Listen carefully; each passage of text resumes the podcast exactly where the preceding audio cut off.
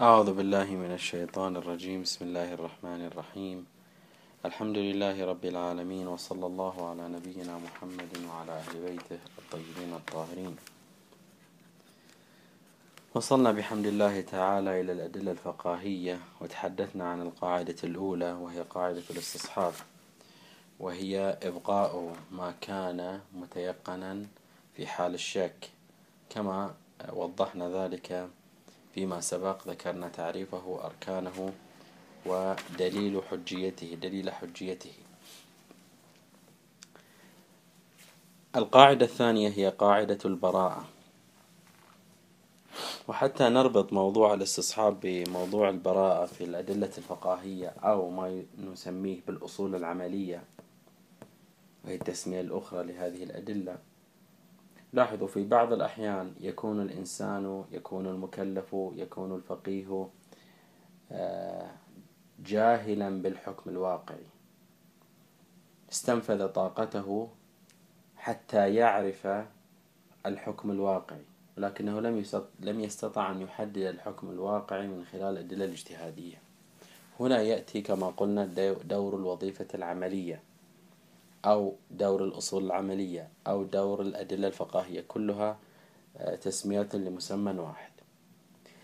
في حال فقدان الدليل الاجتهادي في حال أن الدليل الاجتهادي لم يوصلني إلى نتيجة أذهب إلى الدليل الفقاهي أذهب إلى الأصول العملية. في الأصول العملية هنا يمكن أن نتصور حالتين. الحالة الأولى أن يكون للمكلف حالة سابقة يقين بموضوع معين. فهنا يجري الاستصحاب. ولكن والحديث الذي وضعناه سابقا. ولكن في بعض الحالات لا يكون للمكلف حالة سابقة. لا يعرف ما هي الحالة السابقة. لا يعرف هل هذا الأمر محلل أو أمر محرم. طبعا لديهم بحث مفصل هنا. هل هل الاستصحاب مثلا يجري في الموضوعات يجري في الأحكام؟ تفاصيل كثيرة لأن الشيخ لم يتعرض لها نحن نعرض عنها. كذلك البراءة. إذا موضوع البراءة فيما لو لم يكن هناك دليل اجتهادي على هذه الحادثة أو الواقعة؟ ولم يكن هناك أمر متيقن يمكن إجراؤه أو استصحابه في المقام. على سبيل المثال على سبيل المثال جاءتني معاملة معينة معاملة بنكية معينة. هل يجوز لي أن أضع أموالي في البنك أو لا؟ ذهبت إلى الأدلة الاجتهادية لم أجد. على سبيل المثال دليلا يمكن أن يعطيني الحكم الواقعي. ما هو الحكم الواقعي هنا لا أعرف. فهنا ننتقل إلى الأصول العملية. هل هناك أصل أو حالة سابقة يمكن الاتكاء عليها واستصحاب بها؟ لا يوجد. فهنا نأتي. في هذه الحالة في هذه الحالة نتساءل هل الشارع أعطاني فسحة في أن أقتحم هذا الموضوع المحدث؟ هل أستعمل هل أستفيد من البنوك؟ أو أنني لا أستفيد من البنوك. إذا هذا هو جو أصل البراءة. وطبعا البراءة يعني البراءة من التكليف. البراءة من التكليف. يعني بجريانها إذا ثبتت هذه القاعدة وأردنا أن نجريها فنجري عدم التكليف إذا ثبتت هذه القاعدة فإنني مع شكي بأن هذا التعامل مع البنك هو جائز أو ليس بجائز ماذا أفعل؟ إذا قال لي أجري البراءة معناه أنني ماذا؟ لا يحق لي أن أتعامل مع البنك فالبراءة من التكليف الإلزامي هنا ما يقابل البراءة يعني فيما لو لم يثبت أصل البراءة أصالة الاشتغال. هنا ينبغي لي أن أحتاط كما سيأتينا أو أنني مثلا أتخير غير ذلك. إذا لو لم يثبت لدي دليل البراءة لم تثبت أدلة حجية دليل البراءة فأنا مضطر هنا للذهاب إلى ما ما هو عكس البراءة أو ما هو ضد البراءة وهو الاشتغال. قسم الأصوليون البراءة إلى قسمين براءة شرعية وبراءة عقلية. البراءة الشرعية لاحظوا في بعض الأحيان تأتيني أدلة من الله سبحانه وتعالى من المشرع من النبي صلى الله عليه وآله من الأئمة على أن المكلف إذا كان جاهلا بالحكم الواقعي وفحص عن الأدل فحص في الأدلة فلم يجد فلم يجد دليلا على هذه الواقعة التي هو جاهل بها. هنا هذه الرواية تقول له أنت بريء من هذا التكليف فأنت حر في هذا التكليف. أنت حر في هذا التكليف. إذا هناك نص ديني قرآن سنة دليل اجتهادي يثبت لي يثبت لي البراءة الشرعية. ويرفع عن كاهلي كمكلف حكم الحكم أو الالتزام بالحكم الواقع الذي أنا جاهل به. وهذا بالتأكيد من التسهيلات الإلهية والتشريع من تسهيلات المشرع الإسلامي. إذا البراءة الشرعية هي وظيفة شرعية نافية للحكم الشرعي عند الشك فيه واليأس من تحصيله. مهمة جدا هذه القيود. إذا نحن نتحدث عن وظيفة شرعية. لكنها وظيفة شرعية ليست عام ليست خاصة وإنما عامة. ما هو عمومها؟ فيما لو كنت شاكا في الحكم الواقعي ويئست من تحصيل الحكم الواقعي. تحصيل موقف شرعي. فهنا الرواية أو الآية الدليل الشرعي يقول لي أنت بريء. أنا هذا الحكم الواقعي نفيته عنك ما دمت جاهلا به هذه هي البراءة الشرعية إذا إذا أردنا أن نبحث عن حجية هذه البراءة لابد أن نبحث عنها إما في القرآن الكريم أو في السنة المباركة ولذلك سعى الفقهاء. نعم والأصوليون على تحصيل دليل يؤمن للمكلف عدم عمله بالحكم الواقع عند الجهل به. لأنه لأنه إذا لم يجد دليلا على هذه البراءة على رفع رفع المؤاخذة من قبل الله سبحانه وتعالى لهذا المكلف فإنه مضطر بالالتزام به في حال الشك. لو لم تثبت البراءة الشرعية فنحن مضطرون لأن تنش... تكون ذمتنا مشغولة فلا بد من الالتزام. فلا أقتحم هذه الحادثة يعني لا أتعامل مع البنك لو لم أجد دليلا. ولذلك سعى الأصوليون لتأمين مستند على هذه البراءة. هل يوجد هناك مستند من القرآن الكريم أو السنة المباركة أو لا؟ الآية التي أو أبرز هذه الآيات التي استفيد منها هي آية سورة الطلاق لا يكلف الله نفسا إلا ما آتاها.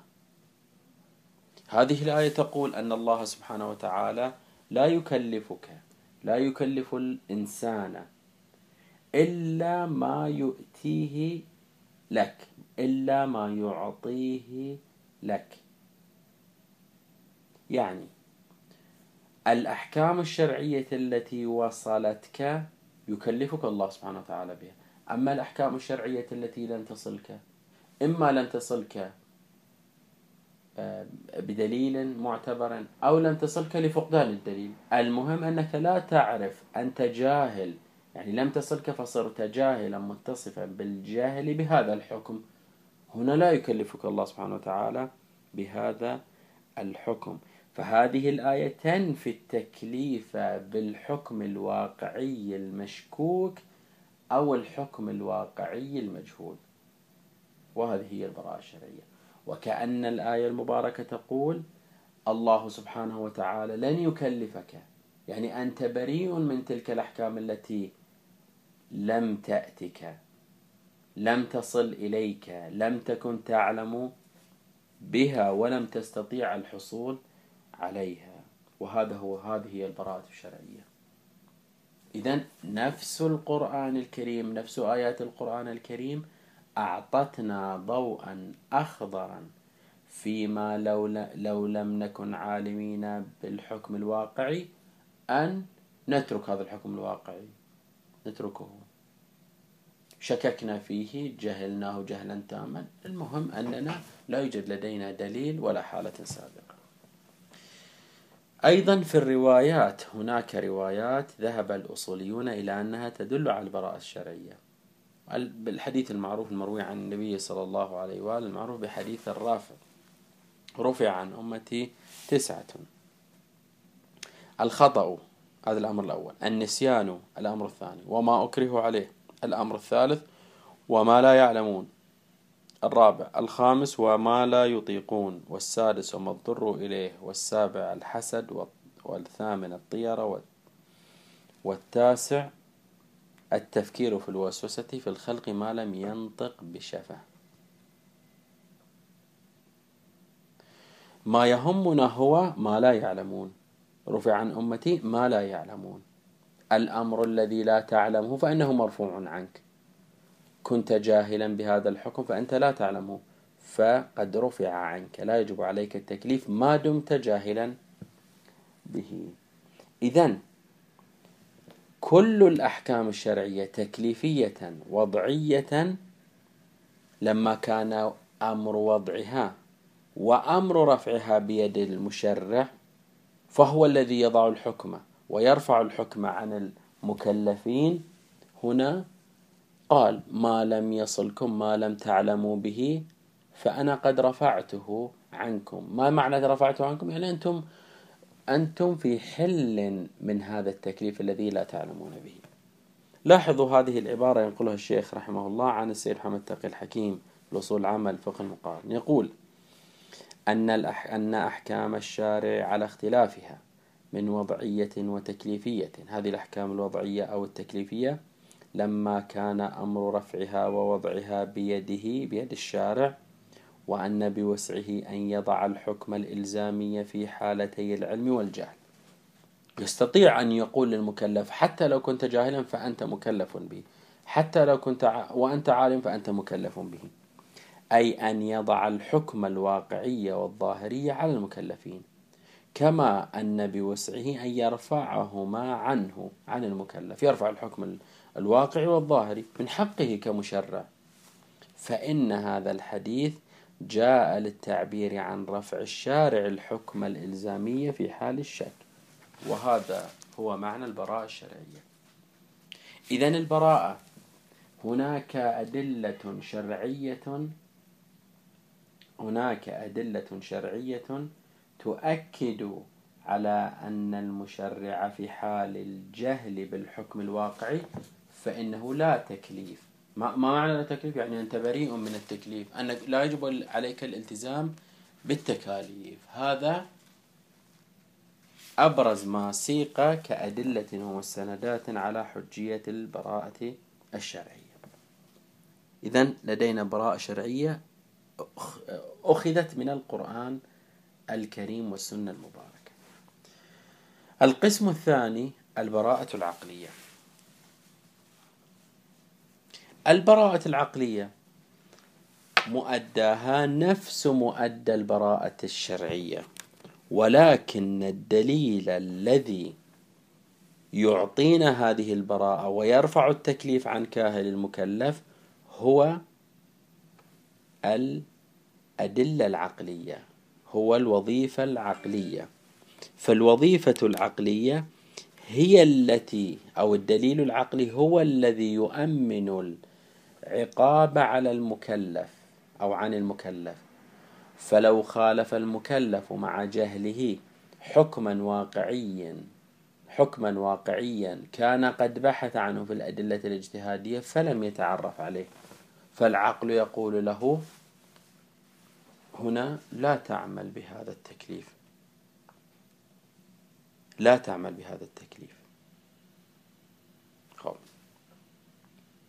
يعني أن هناك براءة أن هناك وظيفة مؤمنة من قبل العقل عند عجز المكلف عن بلوغ حكم الشارع أو وظيفته.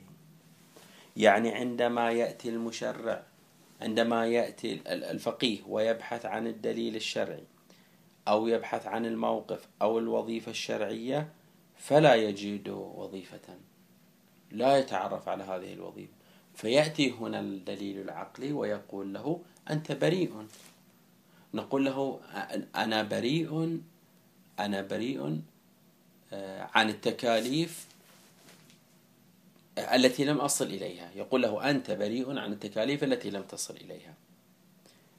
بالعقل هو العقل الذي يدعوني على ذلك. إذا يمكن أن نقول بأن البراءة العقلية الوظيفة المؤمنة من قبل العقل عند عجز المكلف عن بلوغ حكم الشارع أو وظيفته.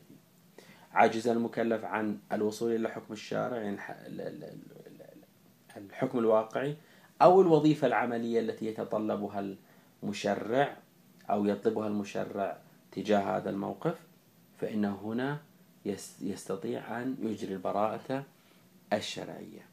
لاحظوا هذا التعبير من الشيخ نقله من الشيخ الشيخ محمد السيد محمد تقي الحكيم قال عند عجز المكلف عن بلوغ حكم الشارع أو وظيفته. يعني أن مجال الب... مجال جريان البراءة العقلية بعد البراءة الشرعية. يعني إذا كان هناك ما يمنع من جريان البراءة الشرعية هنا تفاصيل كثيرة. ما يمنع من جريان البراءة الشرعية تأتي البراءة العقلية. تأتي البراءة العقلية. هنا قد قد يطرح تساؤل. ما الفائدة؟ إذا كانت البراءة الشرعية تدعوني إلى. ترفع عني التكليف والبراءة العقلية ترفع عني التكليف ما الفائدة في ذلك؟ ما الفائدة من التفريق بين البراءة العقلية والبراءة الشرعية؟ هذا تساؤل فقط أضعه أمام الأخوات والأخوة. بمعنى آخر هل يمكن إعادة إعادة تقسيم البحث مرة أخرى. ونقول لدينا براءة واحدة. هذه البراءة قام الدليل العقلي عليها وقام الدليل الشرعي المرشد إلى الدليل العقلي عليها. فلا توجد إلا براءة واحدة. طبعا هذا الكلام بناء على تفسير أو بناء على الدليل الذي اعتمدته في تحديد البراءة العقلية. يعني الدليل العقلي الذي أحتج به على حجية البراءة العقلية. أبرز دليل ذكر للبراءة العقلية هو قاعدة قبح العقاب بلا بيان واصل من الشارع. خلاصة هذا الدليل يقول هكذا. هذا ينبغي أن نحفظها. قبح مسلك قبح العقاب بلا بيان. يعني أن العقل يدرك يدرك أن المكلف الذي لم يصله بيان الشارع لم يصله حكم الشارع يقبح عقاب عقابه يقبح العقاب لهذا المكلف. لماذا؟ لأن التكليف لم يصله. وبتعبير آخر إن من القبيح أن يعاقب المولى والمشرع العبد لأنه لم يلتزم بتكليف واقعي لم يصل إليه. الآن بغض النظر عن سبب عدم الوصول. المهم أن هناك تكليف عند المولى وعند المشرع. لم يستطع المكلف أن يصل إلى هذا الحكم فالمولى يقبح به أن يقول سوف أعاقبك لأنك لم تلتزم بحكمي. إذا قبح العقاب بلا بيان بلا بيان واصل أو بلا بيان لم أفهمه لأي سبب. المهم أن يصدق علي أنني لم يصل إلي هذا البيان. إذا هنا قاعدة قبح العقاب بلا بيان تؤي تؤمن للمكلف مخالفة الحكم الواقعي الذي لم يستطع الوصول إليه لم يجده. يقول السيد هنا يقول الشيخ هنا وهذه القاعدة مما تطابق عليها العقلاء على اختلاف مللهم ومذاهبهم. وتباين أذواقهم ومستوياتهم وتشعب أزمنتهم بيئتهم. وبتعبير آخر يقول يقول الشيخ هنا أن هذه القاعدة من الأمور المسلمة. أنه كيف العبد عندما لا يعرف تكليفه أو التكليف المناط إليه من قبل سيده يقول ماذا؟ يقول أنا أنا بريء هنا. ألا أعرف ماذا يريد هذا السيد؟ فلا ألتزم بشيء. فلا ألتزم بشيء. ولذلك قلنا طرحنا هذا الاحتمال أو هذا التساؤل لنقل. التساؤل يقول إذا كانت المؤدى القاعدة البراءة العقلية هو نفس مؤدى البراءة الشرعية فلا فرق بينهما فما الفائدة من التمييز نقول هناك براءة عقلية وهناك براءة شرعية. نقول أن هناك براءة من التكليف أقيم عليها دليل العقل وأقيم عليها الدليل النقلي. طبعا أنا أطرح هذا التساؤل حتى الأخوة والأخوات يراجعون المصادر ويبحثوا في هذا الجو ليعرفوا كيف فرق لماذا فرق العلماء بين هذين المبحثين. إذا نحن أمام براءتين أمام قاعدة مقسمة إلى قاعدة عقلية وقاعدة شرعية. كلا القاعدتين تؤمن للمكلف مخالفة الواقع فيما لو لم يتعرف عليه وأنه تقول له أنت بريء لا, تك... لا عقاب ولا تكليف ولا إلزام بالعمل بتكليف لا تعرفه. هذا هي البراءة دليل البراءة. إذا هذا هو الإطار العام لدليل البراءة. فقط هنا أريد أن أشير إلى مبنى للسيد الشهيد الصدر. الشهيد الصدر رحمه الله اختلف مع مشهور الأصوليين في آه، البراءة العقلية. البراءة العقلية عند السيد الشهيد الصدر أوسع دائرة من البراءة الشرعية. بمعنى السيد الشهيد الصدر لا يؤمن بقاعدة قبح العقاب بالبيان وإنما لديه قاعدة أخرى هي قاعدة حق الطاعة. يقول العقل لا يقول لي أن التكاليف غير الواصلة إلي كمكلف. تلك التكاليف الإلهية التي لم تصلني المولى لا يعاقبني عليها. صحيح لا يعاقبك عليه ولكن هناك مسلمة قبلية وهو أن حق الطاعة لهذا المولى أنك إذا شككت أو احتملت أو توهمت أن المولى يريد منك هذا التكليف أن تعمل بهذا التكليف. إذا على مبنى السيد الشهيد الصدر البراءة العقلية نعم الأصل العقلي هنا والقاعدة الأولية ليست البراءة وإنما الاشتغال. وجاءت الأدلة الشرعية وأعطتني البراءة. فالبحث هنا فقط عن براءة شرعية ولا وليس ولا حديث عن براءة عقلية وإنما الأصل العقلي هو الاشتغال. هذا فقط أذكره من باب الفائدة وإلا هذا مبحثه في مباني السيد الشهيد الصدر. إذا القاعدة الثانية من قواعد الأدلة الفقاهية هي البراءة. والبراءة إذا ثبتت رفعت عن المكلف التكليف وإذا لم تثبت فإنه لا بد من الانتقال إما إلى الاحتياط أو إلى التخيير. وهذا إن شاء الله ما نتناوله في الجلسة القادمة والحمد لله رب العالمين.